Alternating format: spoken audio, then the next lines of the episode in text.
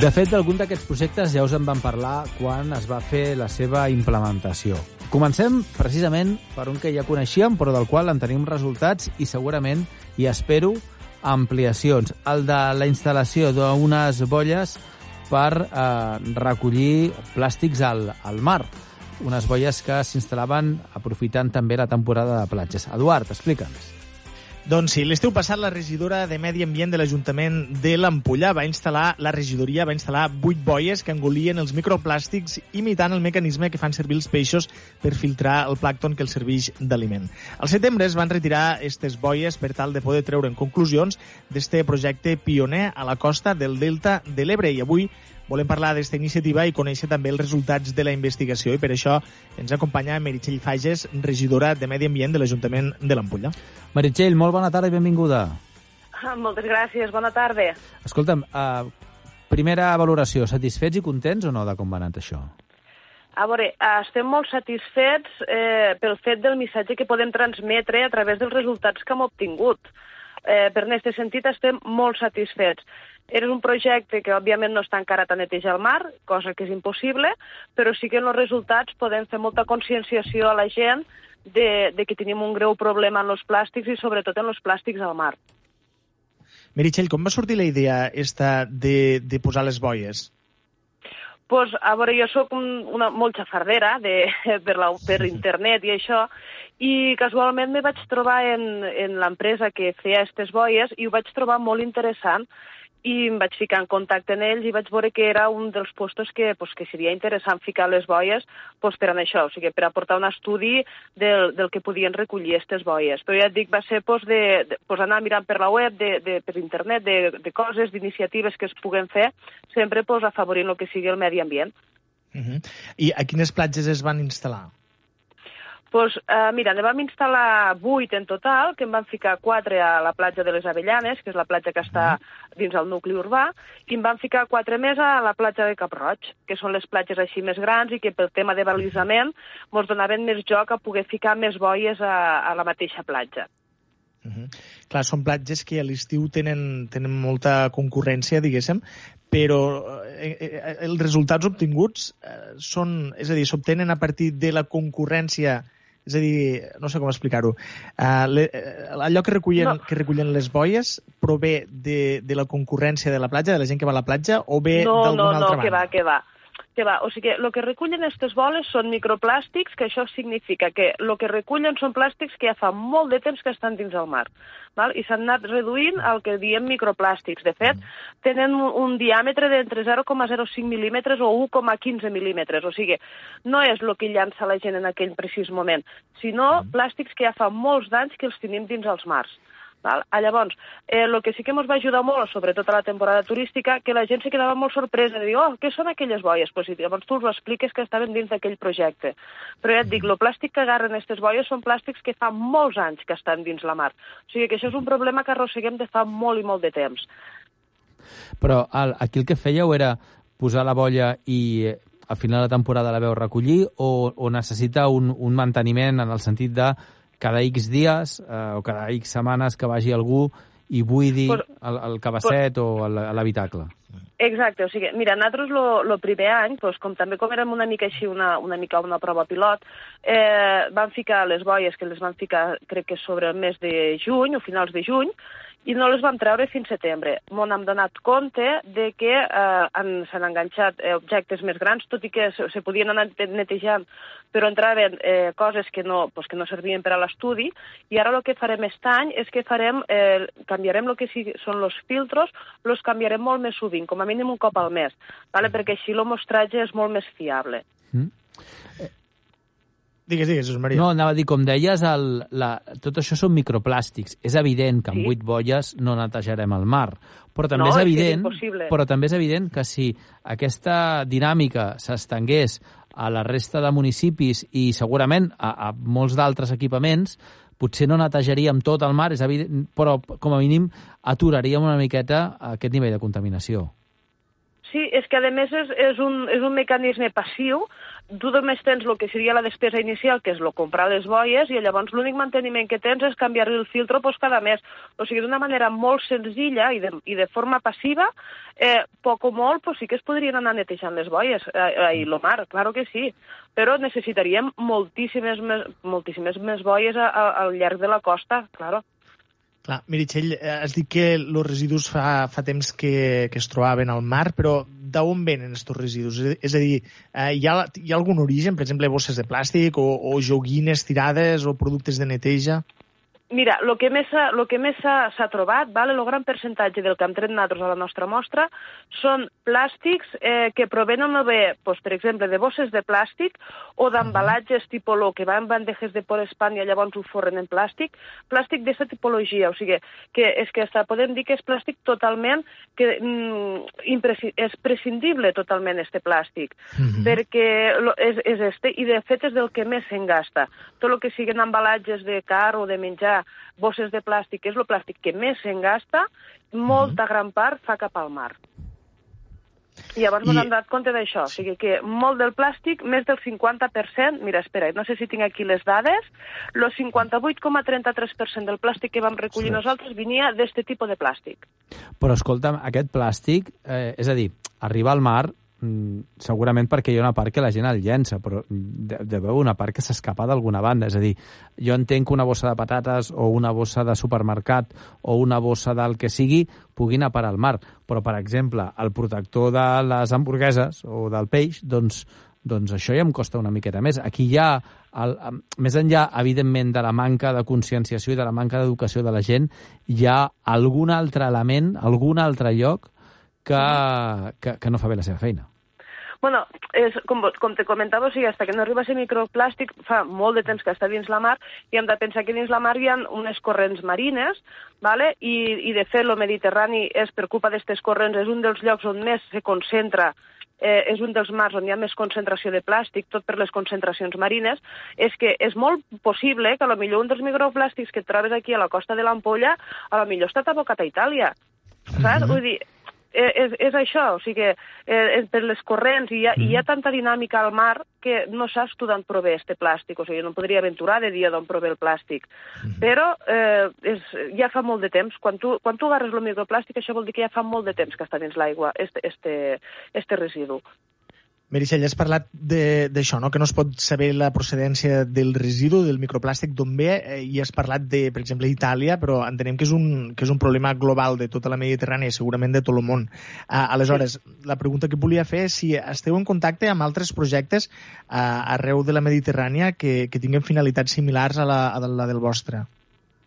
Bueno, uh, lo, enguany, bueno, per en aquesta temporada, el que han fet ha sigut eixamplar una mica el que són les bases i ens han ficat en contacte en l'ICRA, que és l'Institut Català de Recerca de l'Aigua, uh -huh. I, i a través de l'ICRA i un institut de Barcelona profunditzarem més encara en el que serà l'estudi. O sigui, l'estudi d'enguany ha sigut més per a mirar la tipologia de plàstic i quin diàmetre tenen i quant de plàstic agarràvem, i ara, a través de l'ICRA, ja et dic que, que hem estat en contacte, i a través d'aquest institut, eh, aquest any el que farem serà profunditzar en altres rames de, del... A veure, no, no, eh, no et sabria especificar ben bé de quines, quines altres rames eh, farem, però sí que profunditzaran més en el plàstic que recolliguéssim, eh, faran més estudis. Llavors, doncs, potser sí que et sabré dir quina és la procedència, però en l'estudi que han fet enguany, doncs això de moment no t'ho podria dir.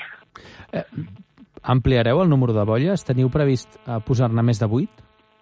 A veure, per aquest any no, per aquest any no però de cara a l'any que ve, si el projecte en l'ICRA funciona i en l'Institut de Barcelona funciona, eh, potser sí que per a l'any que ve ampliarem una mica més el que serien les boies.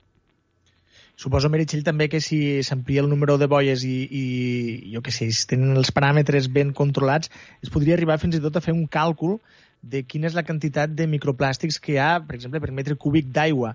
Suposo que si, que si es tragués una, un resultat, diguéssim, abundant, serviria això per conscienciar encara més a la població, no? Sí, home, en l'estudi que han fet ara enguany, o sigui, de conscienciació ja n'han fet, vale? perquè és, és molt fort de, de, de dir pues, això que el 58% de, dels residus que hem agarrat provenen de plàstics que són totalment prescindibles. Pues ja és intentar fer una mica de pedagogia, sobretot per xarxes socials o per medis de comunicació, en canviar una mica el que són els hàbits de consum i sobretot eh, los de dalt nostre, que són, en fi, al cap los que manen, les, les grans fàbriques i això, i intentar canviar també la seva metodologia de fabricació o d'embalatge saps? O sigui, però jo si, per exemple, comencem ja en el que és la, la, el nostre nucli de societat més estret, com si diguéssim, si jo arribem a la conscienciació d'aquest nucli de dir, pues, quan vaig a comprar em porto la bossa de casa, o quan vaig a comprar intento evitar comprar productes envasats si no és, necessari, si no és molt necessari, jo intento arribar a aquesta conscienciació de veritat que em dona molt satisfeta ja, perquè arribar a les altres esferes pues, ja és molt més complicat. Però si jo arribo a este, si arribem a este, a este nivell de conscienciació, de veritat que ja és una gran satisfacció per al projecte de, que vam tirar endavant l'any passat.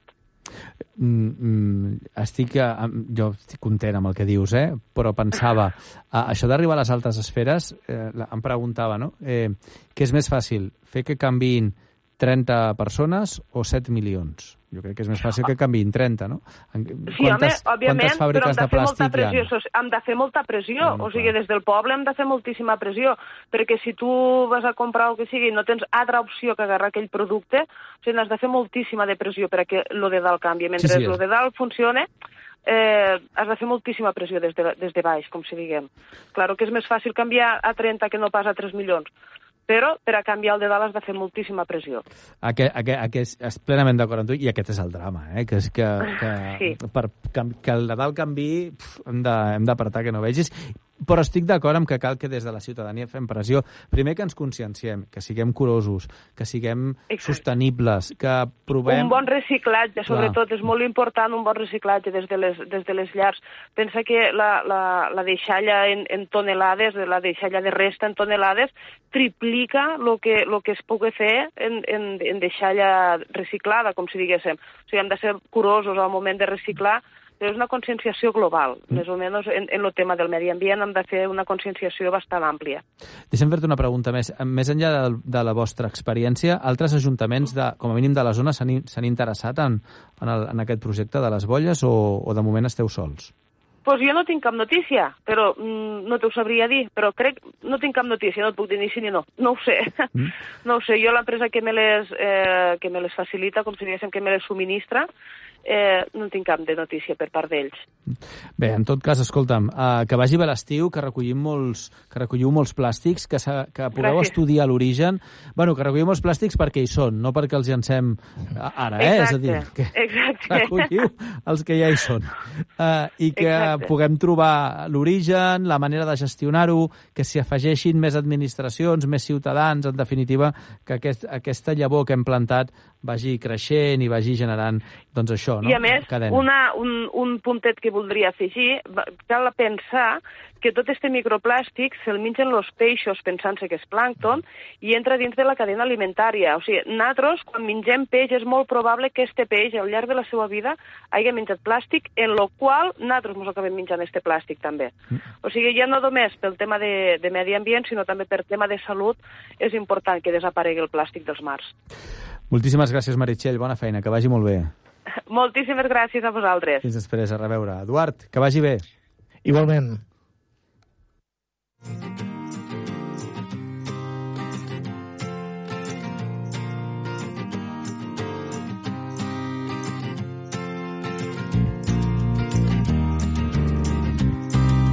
Però aquest no és l'únic projecte de recollida de residus que hi ha al nostre país. N'hi ha molts d'altres. Un d'ells, jo crec que ha tingut uns resultats destacables, molt destacables. Estem parlant del projecte que va implementar la Drassana Marina Barcelona 92 i que ha recollit 570 quilos de rebuig del mar. La majoria són rebuig, és rebuig orgànic, eh, ho ha fet amb dues papereres flotants, una quantitat que seria més elevada si no haguéssim estat per la pandèmia, que finalment ha, ha provocat l'aturada de tot, fins i tot d'aquesta de, de l'activitat d'aquesta empresa i, per tant, ha limitat la, la interacció entre, entre els residus. Volem conèixer una miqueta quina valoració en fan i quins projectes futurs hi ha que en tenen i són molt interessants. Per això saludem en Marc Herbàs, que és responsable de sostenibilitat de eh, Marina Barcelona 92. Marc, molt bona tarda i benvingut.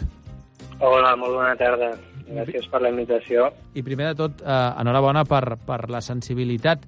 Explica'ns una mica, dues papereres eh, situades eh, dins del, vostre, dins del vostre enclavament, dins del vostre enclau, al mar, i que eh, anaven recollint i filtrant aigua, no? Sí, correcte. Eh, aquestes papereres eh, la tenen una disposició ja estratègicament pensada, que és, estan a les cantonades dels molls, eh, que és on s'acostuma a acumular la major quantitat de, de residus. Però aquestes papereres el que fan és recollir els residus en superfícies flotants. Llavors, eh, clar, és per això que la majoria dels residus són, són orgànics, són restes vegetals, són plomes, sobretot, i si no, doncs, hi ha eh, restes de plàstic, eh, sobretot eh, proteccions, són, són, són plàstics que fem servir molt comúment a, aquí a la nostra indústria, no? són planxes de plàstic, eh, espumes que es fan servir per, per eh, protegir els, els endamis o els llocs en els que els hi fem el manteniment. Però aquest, aquest plàstic a vegades, ja sigui pel vent o, o, o perquè ens desenganxen, acaben al mar, llavors amb aquestes eh, papereres podem controlar els, els, eh, aquests, diguem, residus que, que acaben al mar, no? Mm. De fet, les raconades ja són espais on s'acumula la brossa, no? El fet de que, de que al final acabin sent espais on, on hi ha dues parets, doncs sovint fa que hi hagi moltes més restes. Eh, vosaltres les heu posat allà esperant que aquesta brossa arribi o en mecanismes que ja atrauen cap a, aquests, cap a aquestes papereres la, la brossa? No, la, la brossa per, ja per, per, per dinàmica de, de mar ja acostuma a acumular-se allà. Llavors, eh, és un lloc estratègic on, on, on fan un bon servei, aquestes papereres, i a part queden una mica més protegides de, de, doncs, quan amarra un vaixell que no li doni cap cop, i al final la, aquesta posició tant li serveix com a una bona situació per recollir residus com a per quedar una mica resguardades no? del, de, diguem, de l'agressivitat mm, que li pot donar la drassana. Mm. Pensa que aquestes papereres en si estan dissenyades per, per entorns molt més petits, molt, molt menys agressius, com poden ser marines de, de, de molta menys capacitat, no? Al final aquí tenen un ús bastant extensiu. Sí. És per això també que se'ls ha de fer un manteniment molt més eh, periòdic del que se'ls faria en una marina regular, però bueno, al final fan un, una bona feina i, i diguem, ens val la pena no? tot, aquest, tot aquest manteniment. Eh, de fet, un, un dels limitants d'aquest projecte és precisament aquest, no? que són enginys pensats per espais més petits i, per tant, eh, que, que s'han quedat curts. Si s'haguessin estat més grans, eh, segurament haurien recollit més i haguessin anat millor, no? Clar, el, és això que et comentava, no? El disseny, el disseny estàndard és, està pensat per marines molt més petites i eh, bueno, el que hem fet nosaltres és eh, posar-nos directament en, en contacte amb, amb, en aquest cas, amb Civil Project, no? que és l'empresa que està portant a terme aquest, aquest projecte. Uh -huh. Els vam donar una mica el feedback que teníem aquí, perquè al final creiem que és interessant que el producte evolucioni cap a, cap a un model, diguem, més industrial, no? que es pugui fer servir en entorns més agressius, que al final són, són on poden captar també eh, més quantitat de residus. Llavors, eh, el que hem fet és contactar amb ells, eh, donar-los una mica de feedback de quines parts s'haurien de millorar pel, perquè tinguessin un funcionament molt més òptim en escenaris com el nostre, i, i bueno, sabem que estan treballant en un nou prototip i bueno, ens hem ofert també per, per, per provar-lo aquí mateix, fer els primers testejos d'aquest prototip i amb això el que s'aconseguiria és que aquest, aquest eh, dispositiu es pugui fer servir en pràcticament totes les marines i dreçades del món. És una mica l'objectiu final, no? Mm. Que, de fet, eh, és, eh, vaja, quan parlava jo a l'inici de projectes de futur, és precisament aquest, és a dir, és eh, posar a prova nous enginys, evolucions d'aquest model de papereres, que, a més a més, poden recollir més, més tipologia de productes, no? no fil- filtren, són més filtradors, per entendre'ns. Sí, el, el concepte principal és que es, es limitin a, als flotants. El que passa és que, bueno, això és un, diguem, un producte amb, amb millora contínua. Ara s'ha- s'han implementat també uns, uns petits eh, absorbents Mhm. per, per, per exemple, hidrocarburs. Aquests es posen al, diguem, a la part inferior del, del cistell i quan l'aigua va, va passant a través del cistell, diguem, van, van absorbint totes aquestes restes d'hidrocarburs. Aquest, aquest absorbent es va retirant periòdicament i, i bueno, va, clar, no, no és, no és diguem, un, una solució definitiva, però bueno, es nota. És, Clar. bueno, és, és, és una millora contínua. Al final, també el tipus de xarxa que tenia al principi, diguem, tenia un, un entramat massa, massa ample, no? Hi havia, per exemple, les plomes passaven a través i podien danyar la bomba, llavors, Mm. bueno, és, és anar-li donant feedback, no?, de com millorar certs punts del, del dispositiu i, i bueno, anar-se'n adaptant. A, clar, ells, ells són una empresa d'Austràlia, també entenc que cada, cada lloc, cada situació té, té els seus propis inconvenients, no? i al final eh, l'objectiu és arribar a una solució no? que sigui el més estandarditzada possible, que tingui els màxims usos possibles i, i poder-ho extendre arreu del món. De fet, vosaltres, eh, des, de, des de Marina Barcelona 92, eh, preveieu una inversió de 4, poca broma, eh, 4 milions d'euros eh, amb l'objectiu bé, tot un seguit d'actuacions per reduir la, la petjada del medi ambient, no? Mm.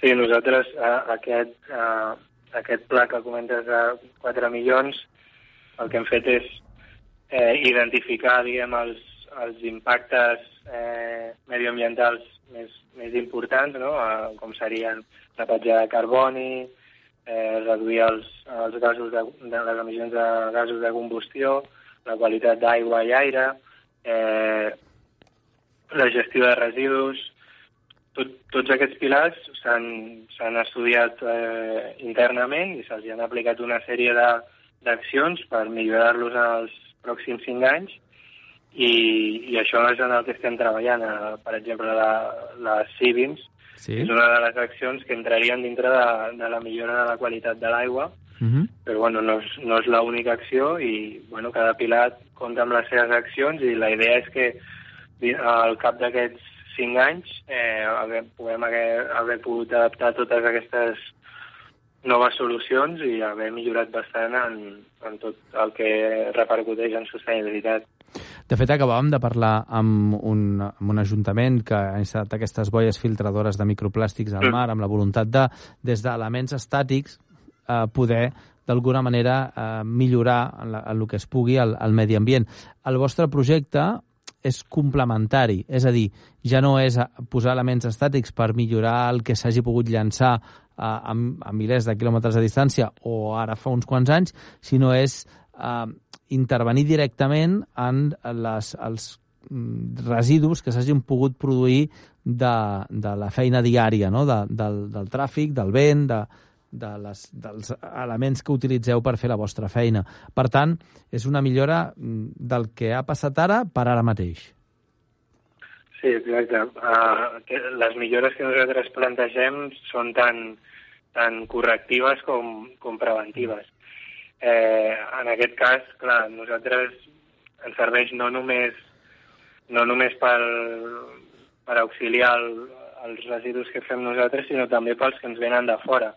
Un exemple així molt clar va ser quan, quan va haver-hi el, el temporal Glòria, eh, ens va venir un, pràcticament una illa de, de residus orgànics entrant des de a les nostres instal·lacions. I clar, això, si, si no estàs si no estàs preparat et, et pot causar molts problemes a, diguem, a l'operativa del dia a dia. Llavors, part d'aquestes solucions també són de, de prevenir episodis com aquest. En aquest cas, clar, un temporal així, les civils no tenen la, la capacitat suficient com per, per elles soles evitar tota la problemàtica, però bueno, al final és trobar, trobar sinergies no?, entre les diferents solucions que proposem. En aquest cas era un treball conjunt entre les civils i, i barreres de contenció a superfície i bueno, al final vam poder, vam poder tirar endavant no? amb aquestes mm. dues solucions. Per cert, amb tot aquests 570 quilos de brossa, que es diu ràpid, però que és una quantitat molt, molt, molt important, què heu fet? Uh, contenidors, abocador, eh, li heu donat alguna utilitat? Què, què n'heu fet amb tot això? Sí, aquesta, clar, aquesta, tots aquests residus, nosaltres els, els anem caracteritzant, fem una caracterització setmanal, de, bueno, fem el, el comptatge del, del nombre de quilos que recollim, quin, quina tipologia de, de residus és, i després d'això el, el gestor, en aquest cas que tenim de, de residus, ho envia una, a una planta que bàsicament el que fa és incinerar per produir eh, energia elèctrica. Per tant, eh, es, tanca un, es tanca un cicle complet, pràcticament, eh? és a dir, recull brossa del mar i, i s'acaba generant energia elèctrica amb aquesta, amb aquesta brossa. Està bé, eh, és un pla que mm, seria interessant que s'extengués a, a les empreses que treballen en enclavaments portuaris. Sí, sí, sí. Per això nosaltres insistim molt en que, en que aquest model de dispositiu ha d'evolucionar per, per adaptar-se a totes les a totes les situacions eh, que se li puguin presentar. Vull dir, al final entenem que el projecte va néixer no, com per donar solució a un tipus molt concret d'espai, de, no? en aquest cas les marines més petites, mm -hmm.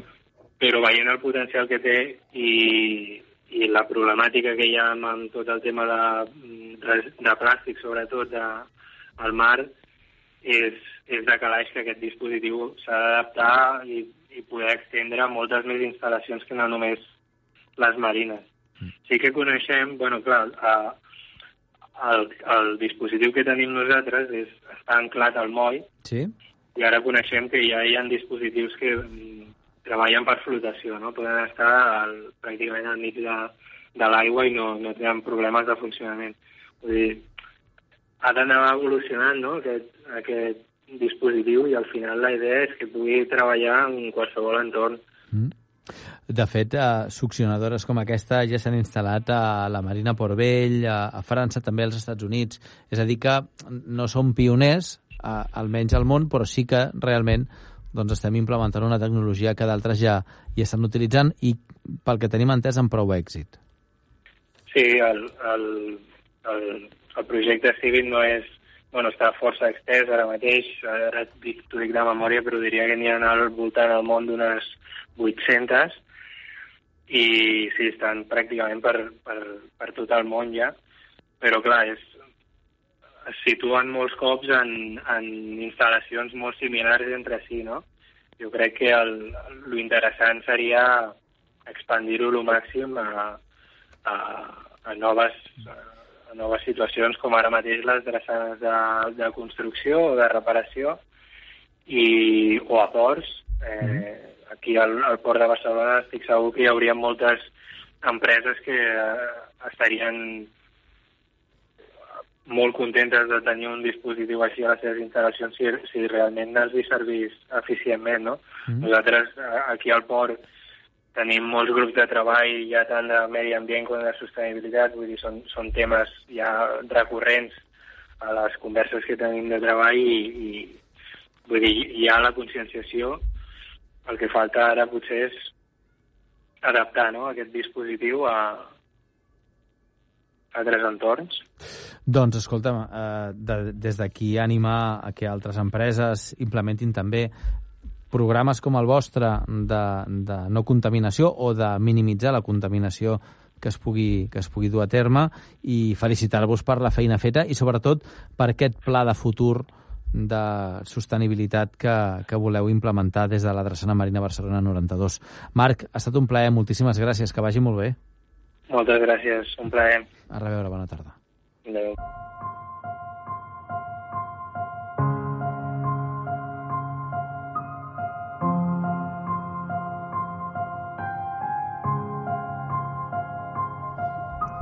Y la verdad es que lo que vamos a contar ahora nos llama la atención y en negativo. Nos hemos hartado de hablar de los microplásticos, ¿no? Que, ¿Qué hacíamos con los plásticos cuando no sabíamos qué pasaba con ellos? Pues los tirábamos al mar, ¿no? Los seguimos tirando al mar, pero al menos ahora sabemos y estamos concienciados de que eh, generan un, un residuo prácticamente irrecogible, irrecuperable.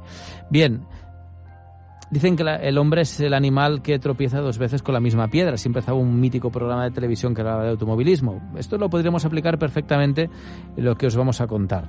No hemos aprendido de los plásticos, no hemos aprendido de los microplásticos, no hemos aprendido de los residuos que hasta ahora tirábamos al mar y hemos incrementado y hemos ampliado la gama de eh, naturaleza, de basuraleza que hay en el, en el medio marino. Las mascarillas y los guantes de plástico, los que nos llevan acompañando desde hace prácticamente un año, desde que llegó el COVID a nuestro país, se han convertido ahora mismo en uno de los agentes contaminantes que se ha sumado a los que ya había en el medio, en el medio natural, especialmente en el mar. Por este, por este motivo se ha puesto en marcha una campaña No abandones tus guantes y mascarillas que intenta concienciarnos de lo que al final acaba pasando cuando nos deshacemos de los guantes y de las mascarillas sin demasiada sin, sin ser demasiado cuidadosos. Queremos hablar de esta campaña y por eso eh, hoy en el FAR saludamos a Eliezer Sánchez, que es portavoz del proyecto Libera. Eliezer, buenas tardes, bienvenido. Hola, buenas tardes, muchas gracias. Eh, sorprendente, ¿no? No hemos aprendido con los plásticos y ahora añadimos las mascarillas y los guantes, que por cierto también son de plástico. Eh, así es, sí, esto es lo que nos está revelando este cuarto estudio sociológico que llamamos el Observatorio de la Basuraleza, en el que bueno nos dice que, que prácticamente dos de cada tres españoles, un 63% aproximadamente, pues bueno, no es consciente ¿no? del, peligro que supone eh, eh, la afección que tiene para la naturaleza el abandono de estos residuos en, en los espacios naturales. Eh, tanto las mascarillas como los guantes que dejamos abandonados no son solo un problema estético para el medio ambiente, sino que también son un problema contaminante, es decir, eh, las mascarillas tienen componentes eh, derivados del petróleo que, pues como actúan los plásticos y microplásticos que comentabas antes, eh, pueden tardar hasta 400 años en desaparecer y a través de esa degradación pues pueden suponer un problema de contaminación bastante grave. Es muy importante esto que dices porque eh, muchos no tienen conciencia de que las mascarillas tengan elementos plásticos. Es decir, como tienen este tacto mm, que parece como de papel, medio de papel, medio de ropa, eh, nos da la sensación de que la mascarilla, pues al final, pues o se acaba deshaciendo o, o acaba de alguna manera pues des- desintegrándose. No es así. En algunos elementos es como una bolsa. Eh, en algunos elementos, eh, obviamente la mascarilla tiene que tener unas propiedades superiores a cualquier trozo de tela para evitar pues la propagación del virus y por eso son tan útiles y tan necesarias. Pero a la vez esta necesidad que tienen las, masca- las mascarillas de, protegernos eh, implica que tengan que llevar un, pues unos derivados del petróleo, ¿no? unos elementos que, que, bueno, al fin y al cabo, pues eh, son muy útiles para el ser humano y debido a esa utilidad y esa resistencia que tienen, pues bueno, eh, los usamos en tantos productos, pero claro, esto tiene unas consecuencias, que es que hay que, hay que tratarlos correctamente y en este caso las mascarillas, eh, sumado ya no solo a, a los componentes que tienen, eh, los materiales de los que están hechos, sino del peligro que pueden llevar, incluso de transportar el propio coronavirus, eh, hay que depositarlas en el contenedor de resto, el de basura normal, nunca en el amarillo, ni en el azul, ni en ningún otro contenedor, el de basura normal, para que puedan ser tratadas correctamente. Eh, esto es muy importante, lo digo porque en muchas casas eh, se ha generado el debate ¿eh? sobre dónde va eh, la mascarilla que traes de la, de la calle o del, o del instituto o del trabajo o de donde vengas, ¿no? ¿En qué, en qué contenedor lo tienes que tirar? Es resto, por tanto, ¿eh? Eh, ha de ir a incineradora o a destruir. Exacto. Eh, lo que sí que sabíamos es el tema de las gomas de las mascarillas. Esto sí que es verdad que se hizo hincapié eh, muy al principio ya de la pandemia, ¿no? Eh, parecía que, bueno, no- subimos que las gomas hacían un poco el mismo efecto que las argollas de las latas, ¿no? Que al final se acababan eh, li- liando con, con diferentes eh, animales y organismos y, que llegaban a ahogarlos y todo. Exacto. Eh, uno de los problemas derivados del abandono de estos residuos es eh, ya no solo la ingesta que puede provocar de algunos animales, sobre todo cuando estos elementos acaban en el mar, que digamos que cuando quedan flotando en el agua eh, pueden parecer alimento para, para algunos peces y, bueno, acaban en sus estómagos y, pueden morir a, a, causa de esto, sino que se ha demostrado y ya se han fotografiado en varias ocasiones muchas aves que aparecen con muertas o, incluso volando todavía con alguna de estas mascarillas no enganchadas en las patas. Por eso, desde el proyecto Libera, tanto de, de Life como de Goembes, las dos organizaciones que forman el proyecto Libera, eh, pedimos por favor que antes de deshacerse una de estas mascarillas se corten estas gomitas que van detrás de la oreja para evitar estos enredos ¿no? y, estos problemas que provocan a, la fauna y a las aves eh, una vez son abandonadas en el ayuntamiento donde, donde yo estoy y en muchos otros me consta que se han instalado unos contenedores en la vía pública, son rojos, están generalmente, al menos en mi entorno, en las puertas de las farmacias, de algún mercado municipal, eh, donde se anima a la gente a que sea allí donde se depositen estas mascarillas y estos guantes. Es decir, se han hecho en algunos sitios hasta eh, contenedores específicos para estos elementos sanitarios.